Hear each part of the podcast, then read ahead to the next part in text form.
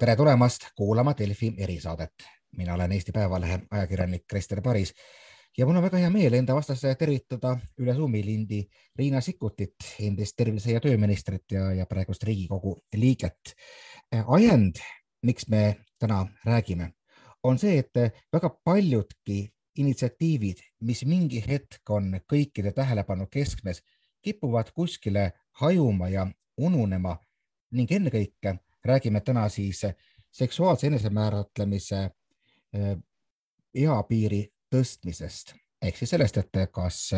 võiks olla ka Eestis nii nagu enamikus Euroopa maades, et legaalne seksi eapiir oleks kuusteist ja mitte neliteist nagu praegu. aga ka kõigepealt vaatame otsa sellele nädalale. tundub, et päris hea hooga läks käima esialgu siis üle neljakümne aastaste registreerimine vaktsineerimistele. esimesed inimesed said, on juba nendest ilmselt süstid ka kätte saanud juba enne lubatud aega ning nüüd kohe siis esmaspäevast peaks avanema registreerimisvõimalus kõikidele ning eh, esialgu ehk oli väga palju kahtlusi, arusaadavalt lähtudes varasematest digiriigi jutumärkides kogemustest, siis registratuur tundus enam-vähem toimivat, eks ikka leiab ju mida nuriseda. Äh, Riina, ma tahakski kõigepealt sellest üldse alustada, et see, kui selline lahendus on olemas, lähed sinna, valid endale arsti aja, noh, neid ei ole piisavalt nagu kunagi ei ole meditsiinis, aga ikkagi lõpuks midagi endale leiad ja siis on olemas, lähed kohale. kuidas, kas see võiks nagu toimida tegelikult äh, kogu, kogu riigis, et tahad silmaarsti, kõrvaarsti, südamearsti ja, ja, ja paned ükskõik kui pikalt selle aja ette ja sa saad selle arsti aja endale kirja panna, et äh, nagu näha, see lahendus on tegelikult olnud võimalik välja töötada päris kiiresti, et nii-öelda endise valdkonna ministrina oleks ettekujutus, et kui, kui realistlik ja kui, kui hea see üldse, kui, kui soovitas üldse oleks? Äh, tere ja tõesti väga hea algus siin. seda, et kui digitaalselt on võimalik ennast järjekorda panna või, või avaldust esitada või midagi. No me kipume ikkagi kõik olema sellised, nagu lahti läheb, siis on see tulude deklareerimine, geenivaramus, kui geenidoonoriks sai hakata, täpselt samamoodi, et see esimene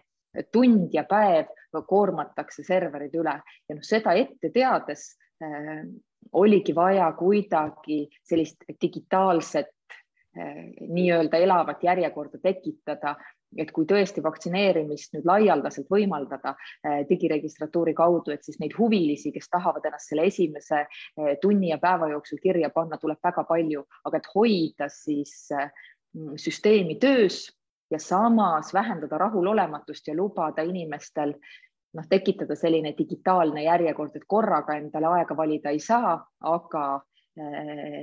oota, oota siin nelikümmend neli minutit või, või tund ja siis, siis avaneb sinu võimalus broneerida. no ikkagi on just, just Ma... see, see, see tunne, et sa nagu ikkagi kontrollid enda saatust, et sa ei ole noh, kui ikka mingi tead, telefoni teel registreerimine annab kinnist tooni, saad läbi, ei saa läbi, serverid kukuvad kokku täpselt sama hetke, kellel juhtub,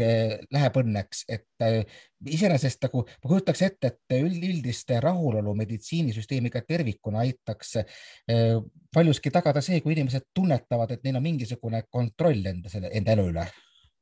Ja nii nagu sa ütled, et see ongi paljuski emotsionaalne, et see, kas sa saad kinnist tooni ja errori teadet ekraani peal või eh, sul mingisugused, mingi aeg tiksub, sul on arusaam sellest, millal järjekord sinuni jõuab ja et, et tõesti, et tegemist ei ole mingisuguse kontrollimatu olukorraga, aga et sina, sa oled endast märku andnud, sa oled järjekorras, eh, sul ei ole vaja omalt poolt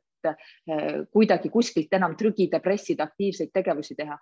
ja seetõttu oli ka noh, tegelikult selline soovitus juba varem, et eh, teised riigid rakendasid eh, mõnel pool ka seda, et isegi olukorras, kus vaktsiini veel ei ole ja me ei tea, millal konkreetselt see inimene, kas ta nüüd saab kolmapäeval kell kaksteist või, või kahe nädala pärast kolmapäeval kell kaksteist vaktsiini et oli ikkagi võimalik ka digitaalselt selline järjekord moodustada. Ja seda võib teha ka prioriteetsete gruppide lõikes, et noh, kõigepealt need eh, üle kaheksakümne aastased saavad oma digitaalse aja broneeringu, et inimesel oleks, et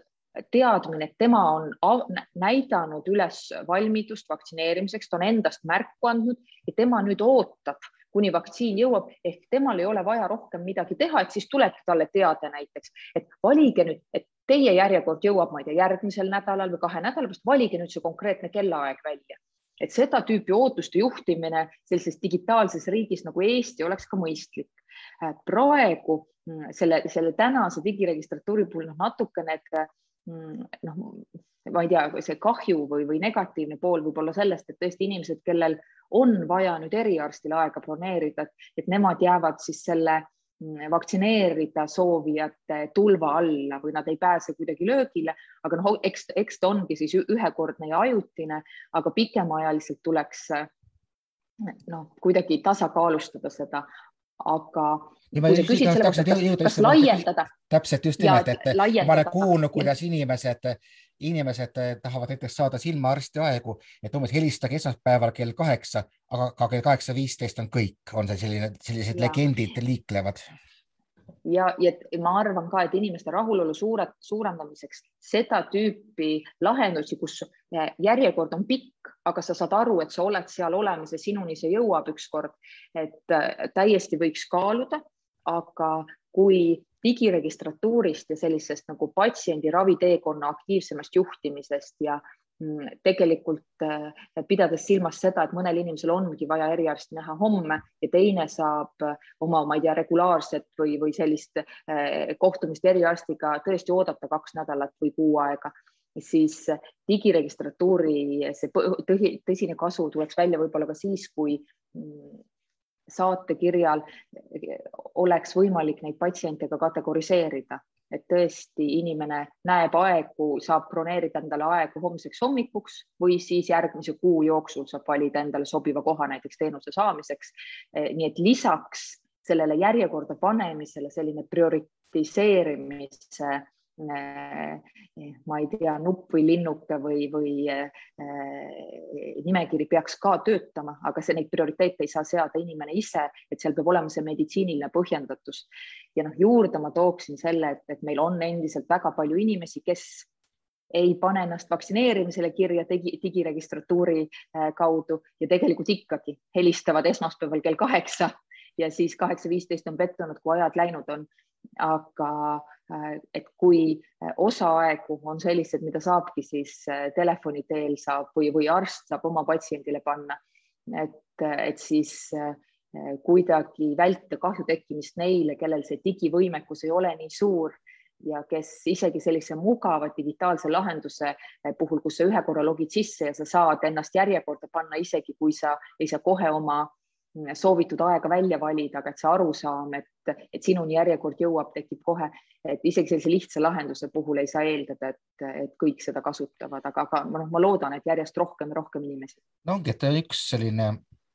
argumente, mis, mida ma olen kuulnud, mis on mulle välja toodud, et kui ma ikka küsin, et ah, et ei ole ju meie digiriigil väga raske sellist registratuuri luua, siis äh, ongi nagu väidetud just seda erinevat digivõimekust, et see seab tegelikult noored ja tugevamad ebavõrdsesse positsiooni nendega, kes kõige rohkem arstiabi vajavad. aga nüüd ma saangi aru, et noh, tegelikult on võimalik leida selline olemuslikult ikkagi kuldne kesktee, et see ei ole päris argument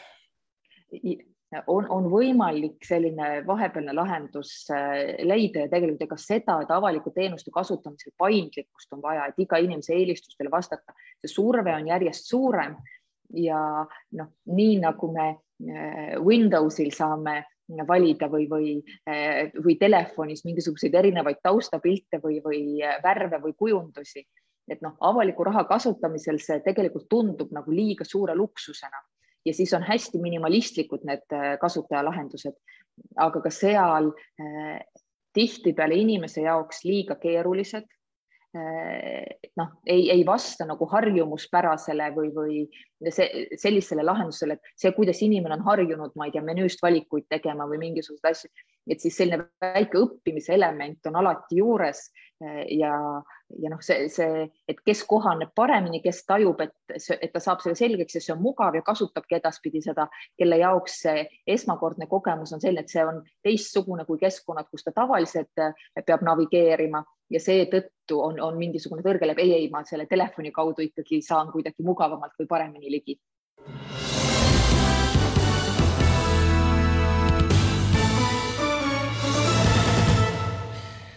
No niimoodi, igatahes tuli selline siis huvitav,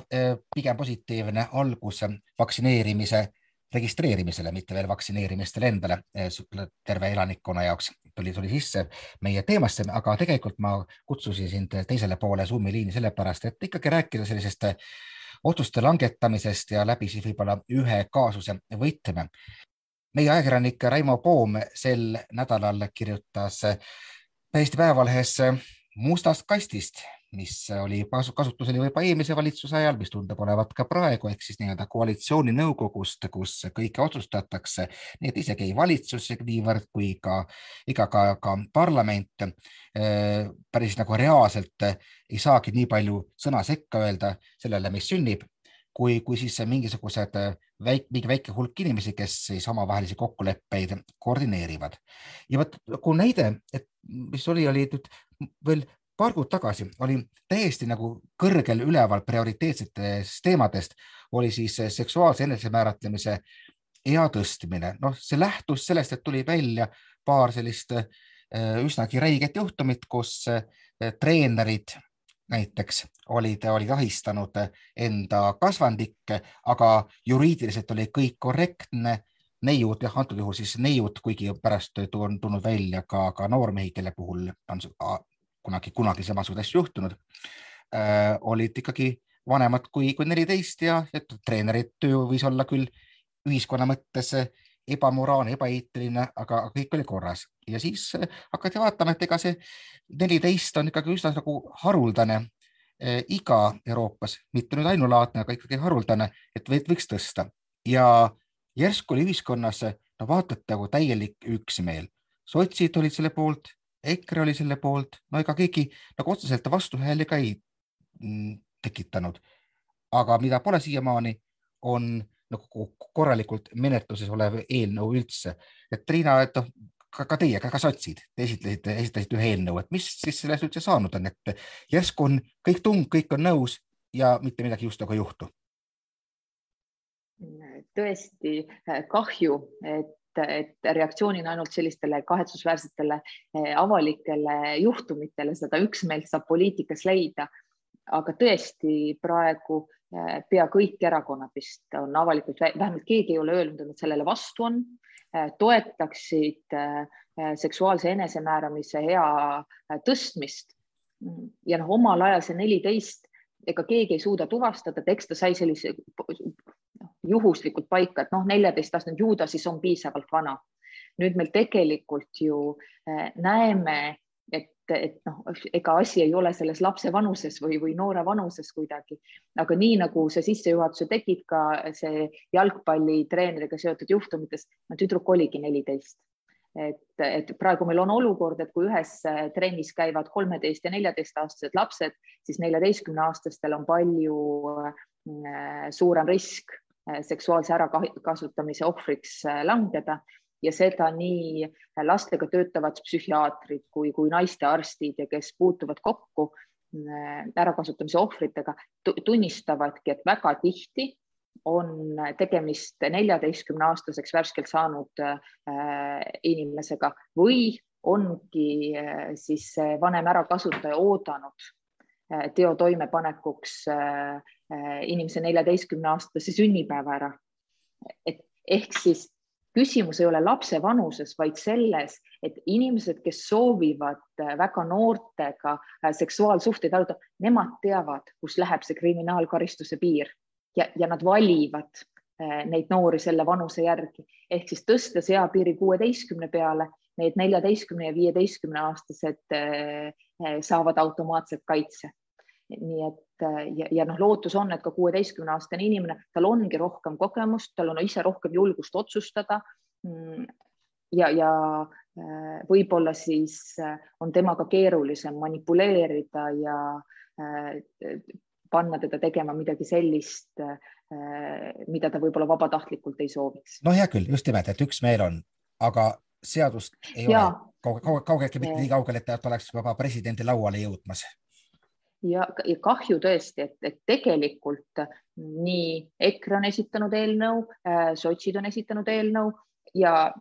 idee on sama, tõsta eapiir kuueteistkümne eluaastani, küsimus on sõnastus ja nüüd on Justiitsministeerium saatnud kooskõlastusele ka valitsuse eelnõu,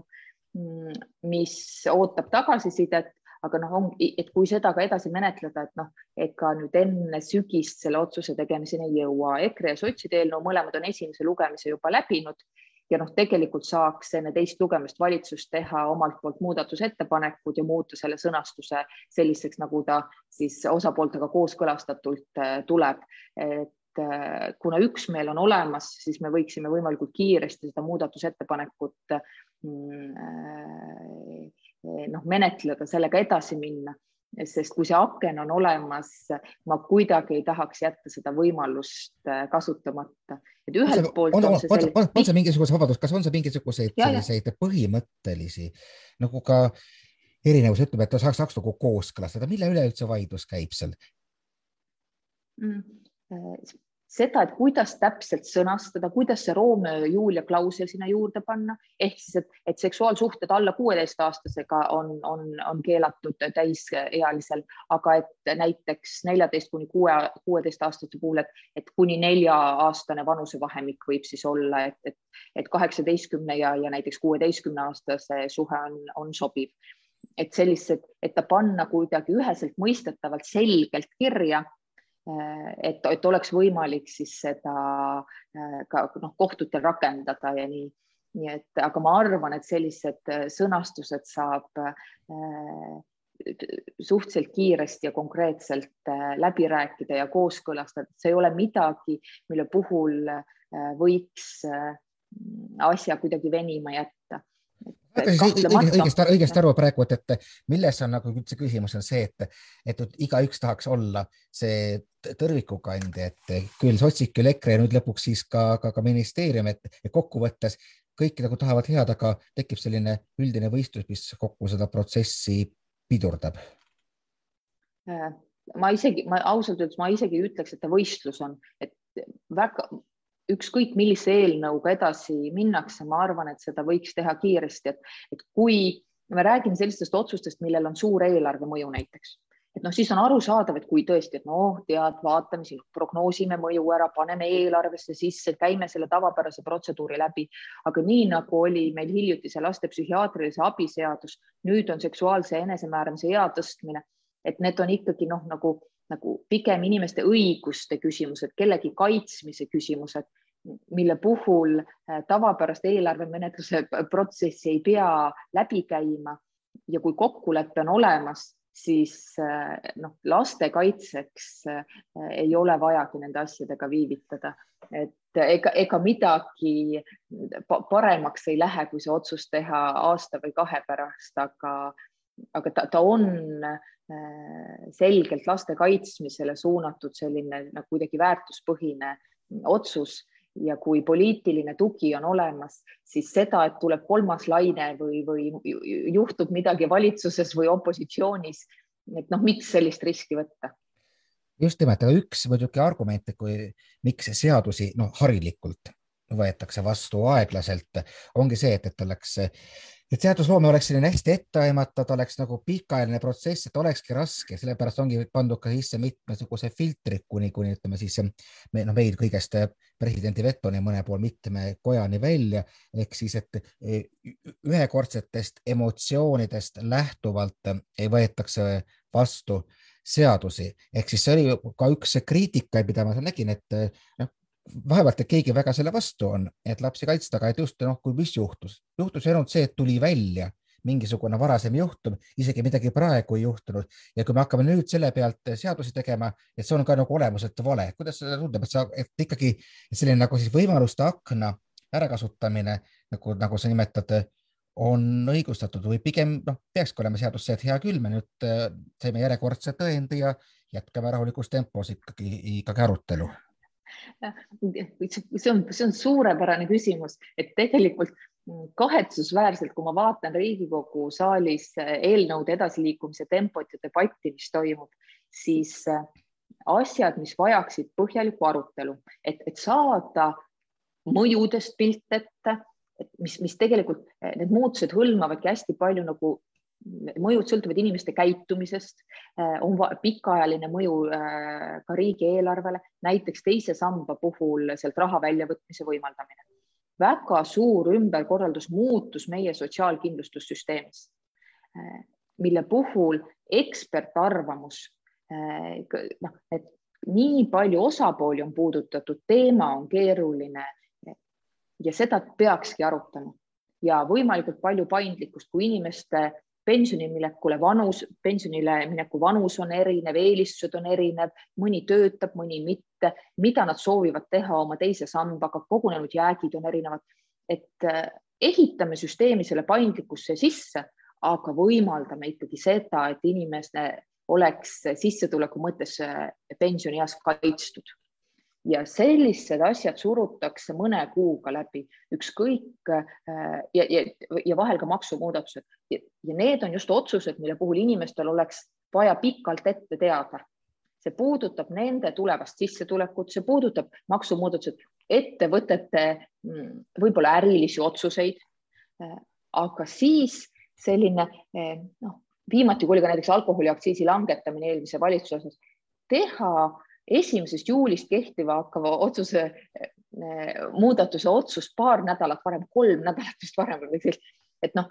see on ikka uskumatu tempo, millega tehakse ja siis on väärtuspõhised asjad, mis ei, mis ei aegu, mis tegelikult ei mõjuta inimeste ootusi või otsuseid. me oleme arutanud pikalt eh, karusloomafarmide keelustamist eh, nüüd äh, äh, laste psühhiaatria, äh, psühhiaatrilise abi puhul, et oleks noorel võimalik ka iseseisvalt psühhiaatri vastuvõtule minna. nüüd seksuaalse enesemääramise ea tõstmine, et siin need on hoopis teist tüüpi küsimused, mis omavad vähem, vähem mõju ettevõtlusele ja eelarvetele, aga võib-olla tegelikult mõne inimese elu mõjutavad äh, nii, et ei taha selle peale mõeldagi. no mis puudutab et... laste, lastepsühhiaatria seaduse, seal ikkagi tekkis selline noh, ilmselge ootamatus kohast võib-olla minu jaoks, aga võib-olla teist kellegi jaoks mitte, maailmavaateline konflikt ja noh, nagu öeldakse, väärtuskonfliktid on vaata kõige ras raskemad lahendada. kuid antud juhul äh, ma ei tea, näed sa kuskil äkki ikkagi kuskil taamal sellist väärtuskonflikti, et noh, kui ma olen inimestega rääkinud sellest ka seksuaalse enesemääratlemise ea tõstmisest, siis ikka no, nagu öeldakse, et no, küllap ikkagi on mingisugused, kes usuvad, et praegune asi ikkagi on tegelikult õige. no loomulikult ei saa keegi seda oma nime all öelda, no aga vaikides loodetakse, et see kuskile ikkagi kalevi alla maetakse. kas sa tunnetad midagi samasugust? No see tegelikult praegu selle teema suhtes ei tunneta, aga noh, kümmekond aastat tagasi ja siis see, sedasama teemat arutades tekkis küll noh, küsimusi, sealhulgas noortel endal, et, et oot-oot, aga noored peaksid olema vabad ise otsustama ja miks selliseid asju lukku panna ja et noh, oli sellist võib-olla mõneti ka vastuseisu praegu, ma, ma ei ole diskussioonis seda kohanud ja samas ka näiteks laste psühhiaatrilise abi seaduse puhul no ma arvan, see oli lihtsalt nagu otsitud lahingukoht, et jah, seal taga võib näha seda ideoloogilist muret ka, aga me tegelikult ju ei räägi mingisugustest tuhandetest lastest ja, ja vanemate eest varjatud tegevusest, vaid sellest, et need mõned lapsed, kellel seda vaja on, nad ei jääks kriitilisel hetkel habita, isegi siis, kui nad ei taha minna näiteks psühhiaatri juurde oma vanemaga, aga lähevad näiteks õpetaja või vanema õega või, või mõne teise lähedasega ja, ja, või siis vahel ka, ka äh, ise või üksi. et äh, ehk siis reaktsioon oli ideoloogiline, proportsioonist väljas ja pigem ikkagi suunatud meedia tähelepanule või, või kuidagi mingisuguse võitluskoha leidmisele ja ta ei olnud vastavuses sellega, mille, mida selle seadusemuudatusega teha prooviti.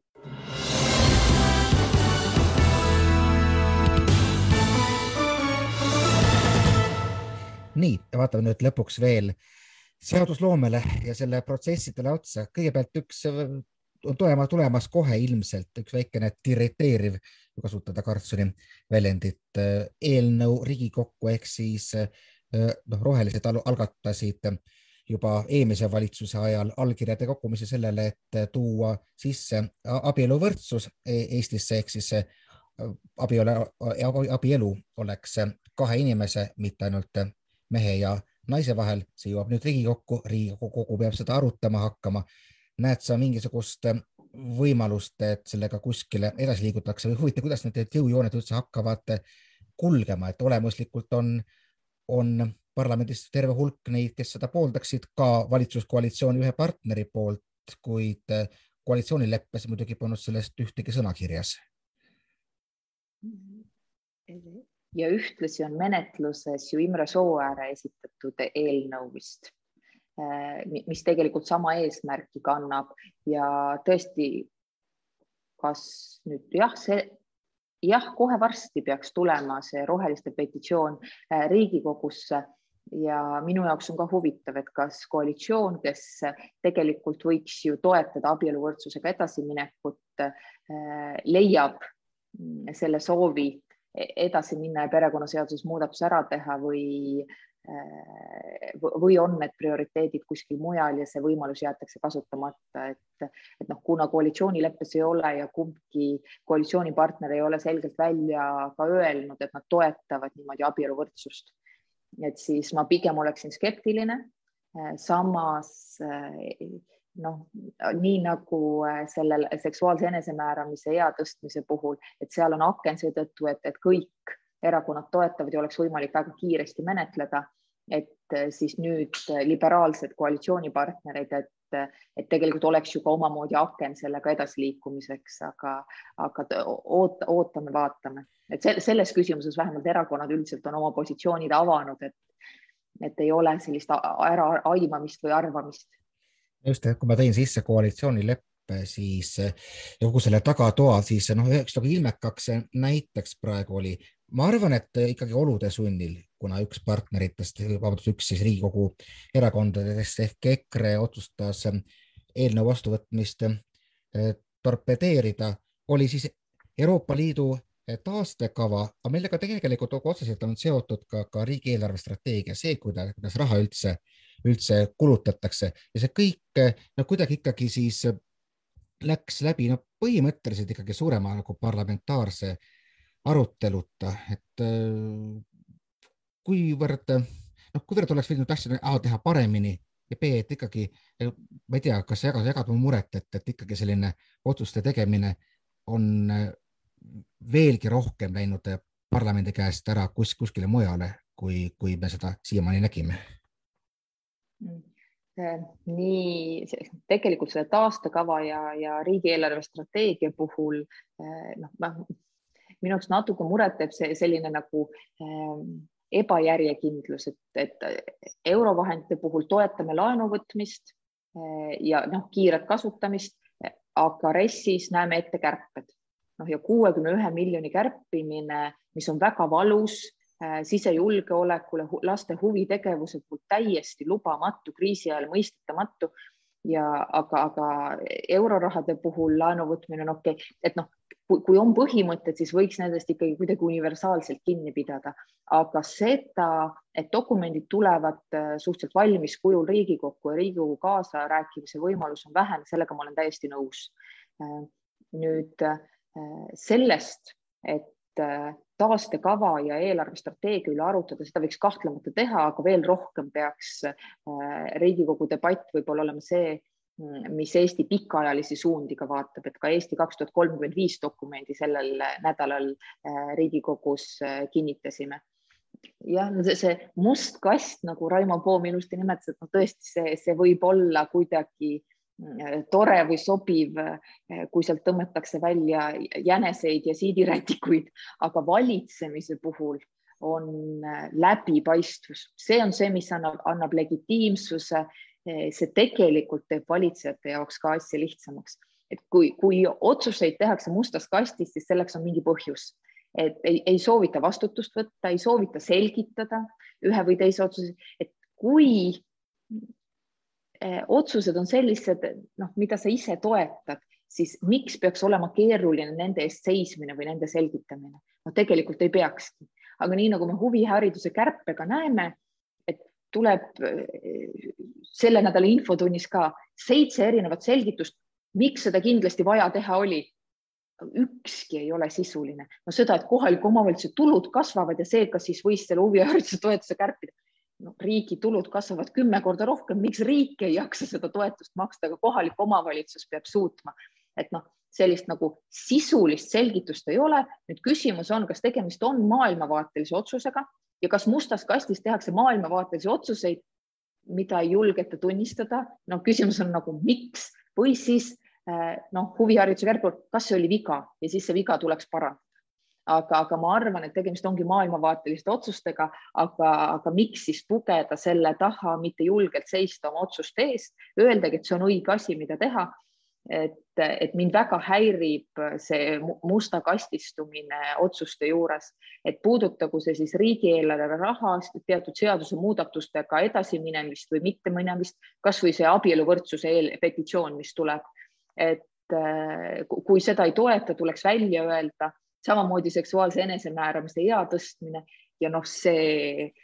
ikka suur pettumus on ka korruptsiooniga tegemine, tegelemine, et noh, noh, sotside krediit valitsusele oli tingitud sellest, et, et noh, ei ole võimalik ju hakata sellise tavapärase administratiivsuse ja riigi haldamisega tegelema hakata, kui ei ole poliitilise korruptsiooni äh, puhul noh, selgelt jalga maha pandud, antud eh, erakondade rahastamise järelevalve komisjonile eh, suuremaid õigusi, noh, kindlustada see, et, et see demokraatlik võistlus on meil siin ka aus, et ei, ei, ei tegutse keegi dopingu peal. ja nüüd on mitu, neli kuud, varsti viis kuud mööda läinud ja tegelikult korruptsiooni osas ei ole mitte midagi tehtud sealhulgas ka pehmed asjad nagu sotside poolt välja pakutud uurimiskomisjon, ERJK eelnõu menetlusse, mis anti, mis õiguskantsleri ja ERJK enda ettepanekuid sisaldas, et mitte ükski ei leia toetust ja küsimus on, miks, miks korruptsiooni osas ei saa panna jalga maha ja öelda, et see ei ole aktsepteeritav. aastal kaks tuhat kakskümmend üks